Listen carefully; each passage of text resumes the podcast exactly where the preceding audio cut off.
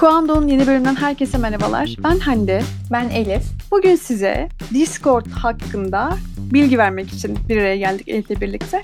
Discord nasıl oluşmuş, ortaya nasıl çıkmış, fikir aşamasından beridir, hangi aşamalardan geçmiş ve bugüne gelmiş, kurucusu neyi düşünmüş aslında biraz bunu tartışacağız Elif'le beraber.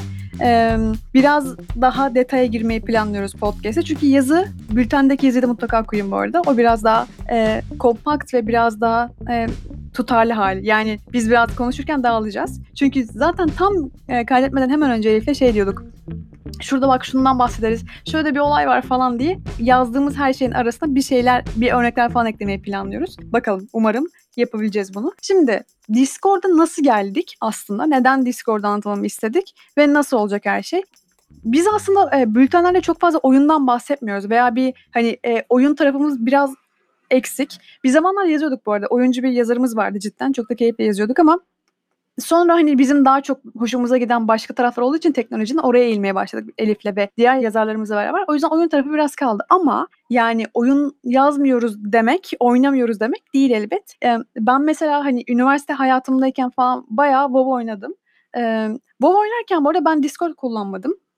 Şey yaptık biz, şey yapardık hani yine böyle bir e, WoW dediğim bu arada World of Warcraft. Biz o oyuna girdiğimiz zaman yine insanlarla sesli iletişim çok daha mühim. Çünkü yani yazılı bir chat programı var bu arada. Hep oyunun içinde gömülü bir şekilde ama yani hem oyununu oynayıp tıklayıp işte klavyeye zaten bütün o e, büyüler için veya işte insanları kesmek için falan kullandığınızda bir de işte aynı e, karakterleri chat içinde kullanamıyorsun. Tabii böyle bir şey olmuyor yani. O yüzden sesli iletişim çok daha mühim oluyor. Sen şuradan saldır ben sağdan geliyorum falan gibi böyle planlar yapmak on the fly. Hani böyle olay gerçekleşirken çok daha mühim oluyor. Gerçekten birlikte Bu savaşa biz, girmişsin gibi. Aynen. Bu yüzden biz mesela şey yapmıştık. E, Skype falan kullanıyorduk ama gerçekten büyük bir ihtiyaç. Yani sesli bir iletişimin oyuncuların hayatında ne kadar büyük olduğunu ben birebir e, yaşayıp görmüştüm falan diyebilirim. Şimdi ama önce hani Discord cidden büyük bir ihtiyaç ama e, Discord'un hani Discord olana kadar bir takım aşamalardan geçtiğini biliyoruz. Elif çünkü bunları çok güzel yazdı. Şeyden başlayalım Elif. Bu Discord'un kurucusu nasıl oldu da ilk başta Discord diye bir şeyi ben yapmaya başlayayım kararını vermeye başladı. Bir ilk hikayesinden dinlemeye başlayalım. Ben aralarda sana bir sen sormaya devam edeceğim. Tamam.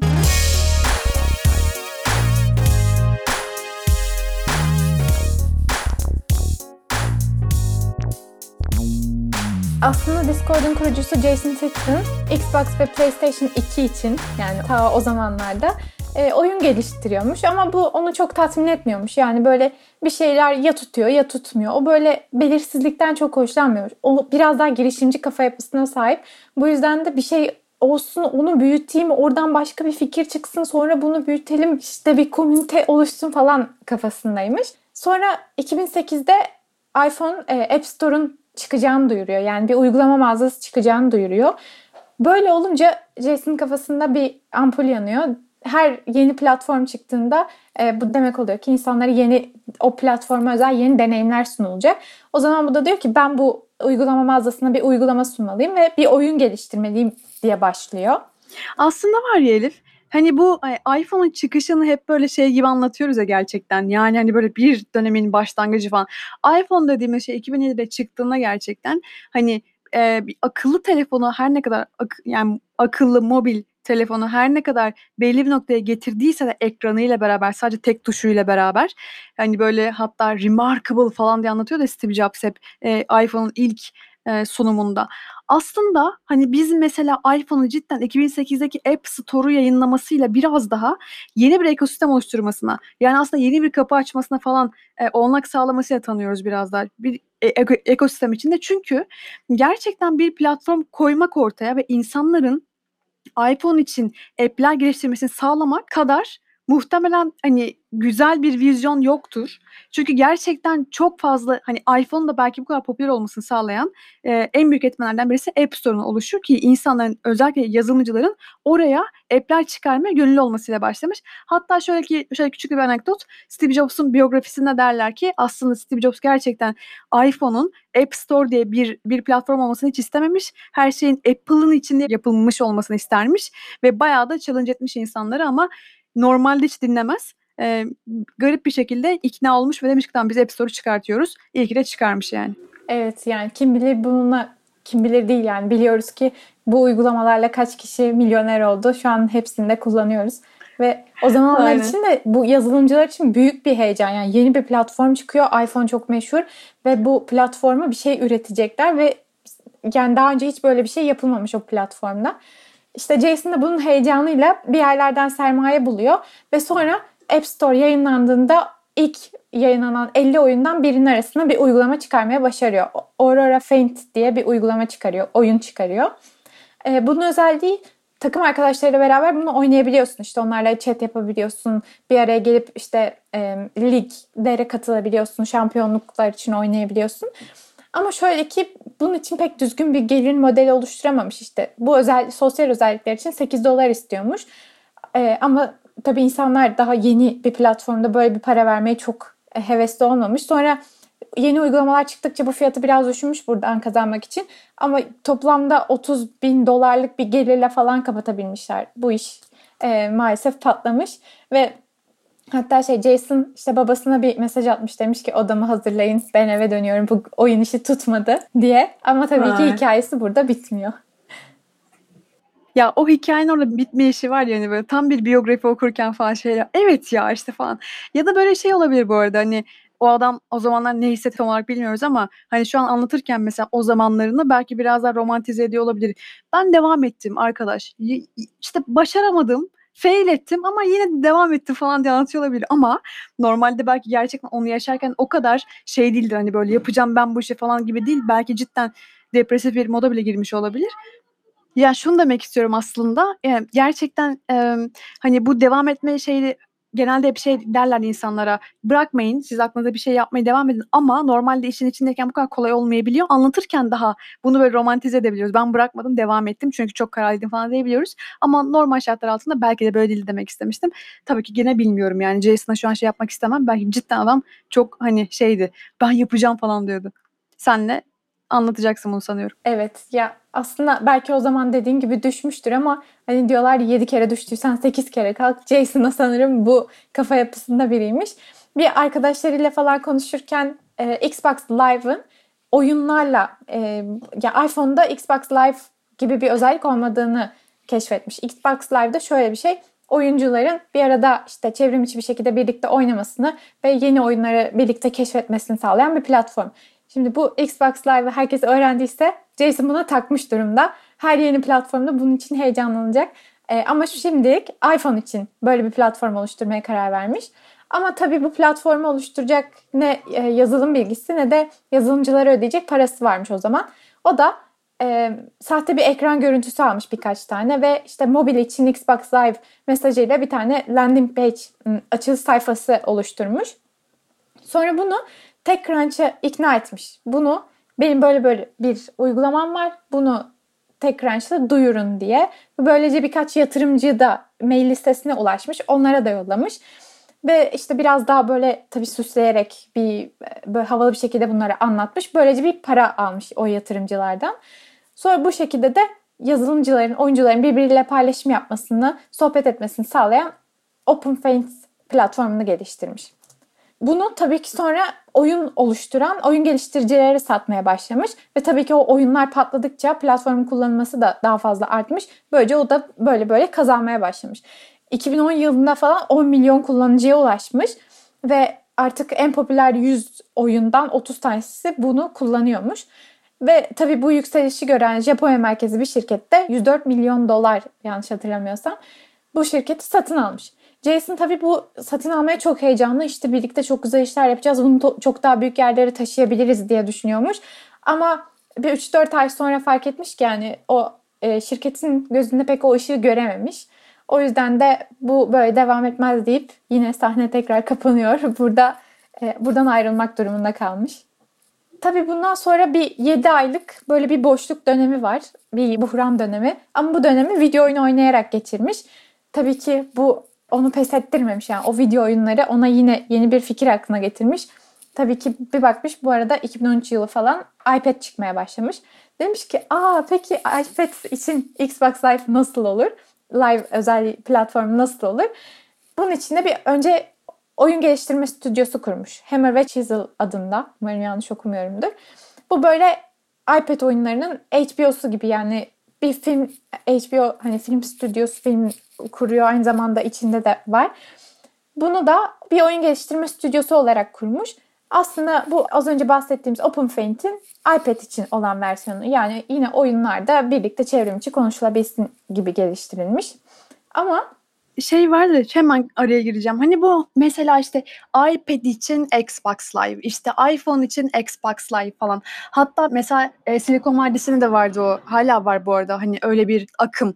İşte atıyorum X e, ekosistemin Uber'i, Y ekosisteminin Airbnb'si falan hani böyle. Gerçekten bir yerlerde bir şeyleri çok büyük başarmış, çok büyük firmalar vardır ya aklımıza yer etmiş. Hani böyle e, inovatif olmuş ve gerçekten disrupt etmiş kendi sektörünü. Nedir bu? işte Airbnb neden? Çünkü gerçekten tatil veya işte turizm sektörünü, otelcilik sektörünü özellikle disrupt etti. Yani yık, yıktığıyla biliyoruz. Hani gerçekten bambaşka bir fikir ortaya çıktı. Uber'de aynı şekilde taksicilik platformunu, taksicilik ekosistemini disrupt etti diyebiliyoruz. İşte böyle hani başka şeyleri cidden disrupt edeceğini düşündüğünüzde ürününüzün ki genelde her e, co-founder veya founder bunu düşünür. Hani benim ürünüm gerçek bir inovatif bir ürün falan gibi. Hani kendi bebeği falan gibi olduğu için muhtemelen hani benim de bir ürün olsa ben ben de öyle düşüneceğim diye düşünüyorum ama e, hani böyle gerçekten bir şeyin X'i ya da bir şeyin Y'si olabilmek fikri hep var ve bu da aslında başlangıç için insanlara güzel bir fikir veriyor bence. Yani ben işte atıyorum şu ekosistemin Uber'i olacağım. Ben işte atıyorum Y platformunun ya da Y fikrinin iş dünyasının işte Airbnb'si olacağım ya da işte Jason gibi iPad'in, iPad'deki platformların e, Xbox Live'ını yaratacağım. Ya da işte iPhone için Xbox Live'ını yaratacağım. Adam cidden Xbox Live'a takmış muhtemelen ve cidden çok da sevmiş ürünü. Onu bir şekilde diğer platforma taşıyabilmenin yolunu aramış hepsi galiba sürekli olarak. Evet aslında bu girişimlere şeyi de öneriyorlar yani yatırımcılara anlatırken bunu şunun şusu gibi anlatın ki onların kafasına daha rahat canlanabilir diye. O yüzden business model kalmasa da bunları bu şekilde ekleyin diye. Bu da girişimci olmak isteyenlerin aklına bir köşesinde kalabilir. Bu oyun geliştirme stüdyosuyla Jason birkaç tane oyun yayınlamış. Sonra Face Forever diye bir tane oyun çıkarmış. Daha doğrusu çıkarmamış. Böyle bir oyun tasarlamış ve bunun nasıl çalıştığını e, anlatan bir gönderi paylaşmış Reddit'te. Bu yani oyun yok sadece böyle bir şey o böyle böyle bir şey varmış gibi anlatmış. Böylece bir insanlardan bir etkileşim almış, geri bildirimler almış. Sonra oyunu App Store'a çıkarmayı başarmış ama oyun maalesef e, istenen başarıyı yakalayamamış. Yine sahne kapanıyor. Şey var ya hani önce oyunu çıkarmadan önce hani böyle bir oyun varmış gibi yazmak. Hani onu da zaten şey derler ya böyle fake it until make it. Yani gerçekten yapana kadar önce yapılmış gibi davran ya da öyleymişsin gibi davran. Bunu bu arada e, İsrail startupları çok böyle şey olsun istemiyorum ama e, de genelde böyle yapar derler. Hatta e, onun bir kitabı vardı e, İsrail'deki startupların neden başarılı olduğunu anlatan güzel bir kitap vardı. Onu da ekleriz notlara. Şu an aklıma gelmedi ama orada anlatılan şey şuydu mesela. E, genelde o startupların kurucuları mesela Amerika'ya uçup New York'a falan gidip ya da Silikon Vadisi'ne gidip akıllarındaki fikri satıp önce hani böyle bir şey yapacağız alır mısınız falan diye. Sonra müşteri toplayıp oradan sonra gelip İsrail'e hani e, yapıyorlarmış ürünü. Yani ürün yokken satmak önce aslında ki bir marketi deniyorsun, test ediyorsun. Cidden bunun alıcısı var mı diye. Ondan sonra da hani ürün yapıyorsun. Alıcısının olduğunu anladıktan sonra. Hani efor harcamıyorsun gibi bir şey. Bunun için tabii çok yetenekli bir satış ekibinin olması, çok yetenekli aynı zamanda hani çok net bir vizyona sahip olmak. Ben bunu yapacağım okey miyiz? Hani satıcıya satmak, e, pardon alıcıya satmak. Bir de alıcının yani mesela hani sattığınız ürünü alıcının mesela tamam ben, ben bunu alırım ama şöyle bir şey daha olması lazım falan dediği case'de de dediği durumda da hani aynı zamanda ürünü o anlara şekillendirmek.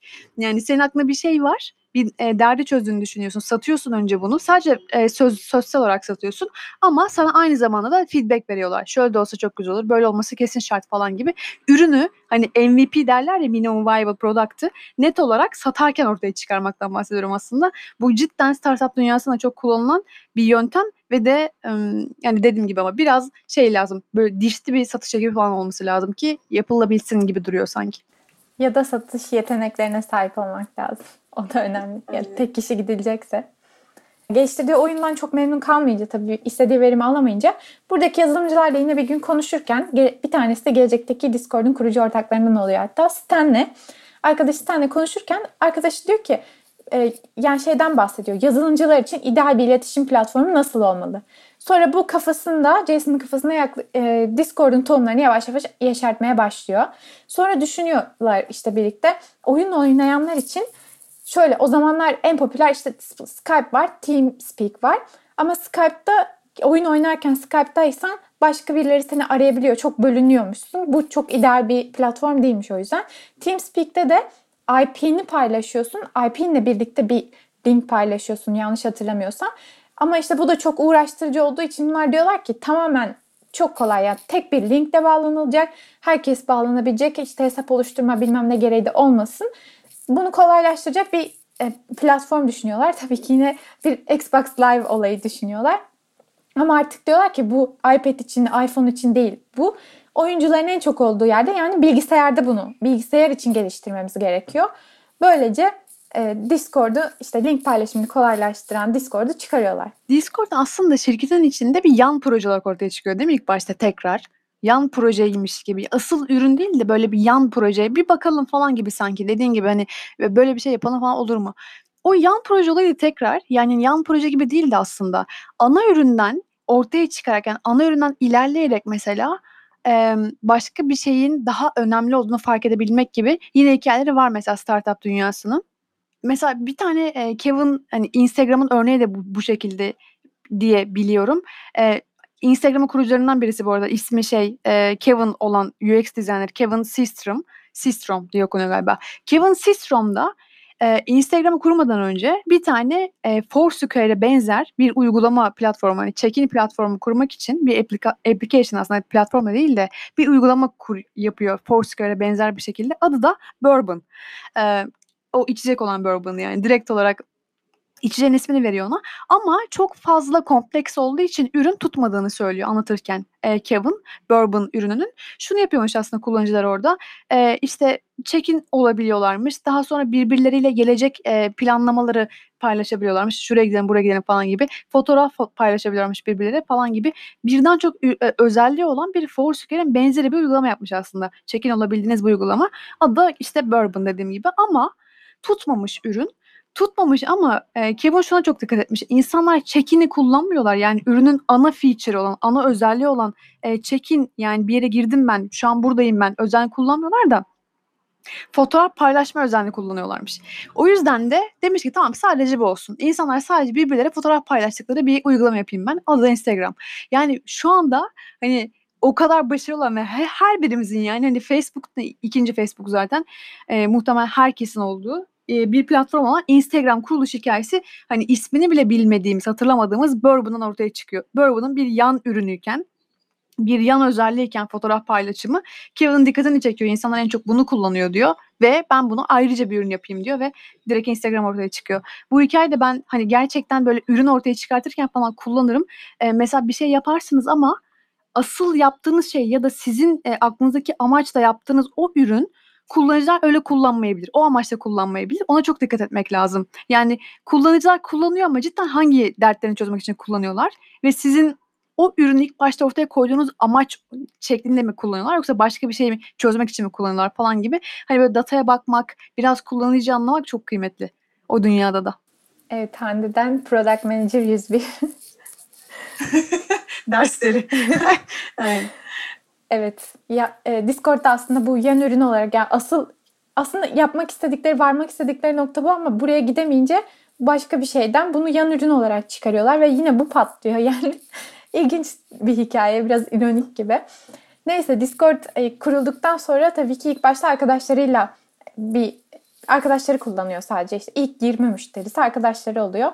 Ama bu arkadaşlarına sürekli soruyorlar nasıl nasıl geliştirebiliriz. Arkadaşları da sürekli yeni özellikler istiyor. Şunu yapsan daha iyi olur, bunu yapsan daha iyi olur. Ama bu özellikleri getirdikten sonra da bir süre sonra hemen hevesleri kaçıyor. O yüzden de artık tatmin olmuyorlar yani bu arkadaşlarıyla böyle olmayacak, gitmeyecek buna karar veriyorlar.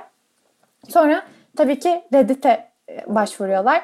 Burada Final Fantasy 14 diye bir oyun var bunun yeni bir özelliği çıkacak sanırım. O yüzden Reddit'te çok fazla etkileşim var bu konuda. Bununla ilgili bir tane gönderinin altına arkadaşlarına diyorlar ki Discord'la ilgili bir şeyler yazar mısın? bir, birisi şey yazıyor. Hey işte Discord isimli bir yeni bir sesli iletişim uygulaması var. Bunu deneyen var mı? Sonra linki paylaşıyor chat diye. Jason ve Stan de direkt bu linke giriyor ki gelen insanları karşılıyorlar. Onlarla konuşuyorlar. Ondan sonra oraya orada konuşan insanlar Reddit'te yazıyor. İşte ben bu platformun yazılımcısıyla konuştum çok cool'larmış falan gibi. Böyle birden yayılmaya başlıyor. Ve böylece işte Reddit tarafından bir kitle gelmiş oluyor. Bir taraftan da işte sitenin önceki şirketi oyuncuların yine böyle bir sosyal ağ gibi bir şey ve aynı zamanda da bir hosting şirketiymiş. Ve burada da çok fazla yine oyun e, host edilen çok fazla şey olduğu için buradan da yine büyük bir kitle geliyor. Bu, bu sayede Discord kocaman bir şirket haline geliyor.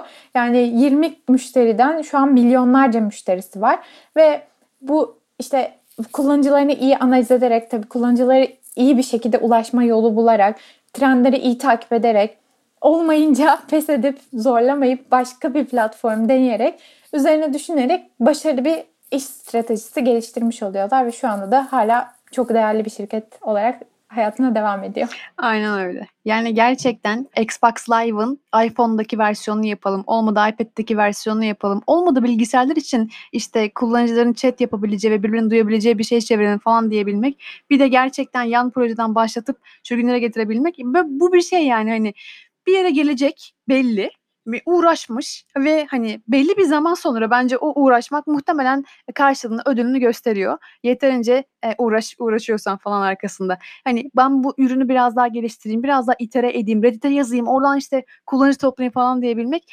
kıymetli şeyler. Biraz daha şey işte inanmaya gerektiren şeyler sanki ama Discord'un hikayesi çok güzel. Ee, dediğimiz gibi detaylı bilgi için e, bültenimize gelebilirsiniz. Bültenimizden de okuyabilirsiniz. Yazılarımızı ve diğer e, bülten yazılarını okumak için yine bekleriz bültenimize. Çok teşekkürler biz dinlediğiniz için. Elif'ciğim söz sende eklemek istediğin bir şey varsa. Biz dinlediğiniz için teşekkür ederiz. Eğer geri bildiriminiz varsa bizimle paylaşırsanız çok seviniriz. Umarım beğenmişsinizdir bu yayınımızı da. Kendinize iyi bakın. Umarım aynen. Bu arada en son anketi doldurduğumuz için çok teşekkürler. Bize çok güzel insight'lar verdi. Güzel e, içgörüler edindik açıkçası ve bu doğrultuda da biraz değişikliğe gideceğiz yakın zamanda da zaten bir sonraki bültende görüyor olacaksınız sanıyoruz. Tekrar çok teşekkürler. Haftaya görüşmek üzere. Kendinize çok iyi bakın. Hoşçakalın. Hoşçakalın.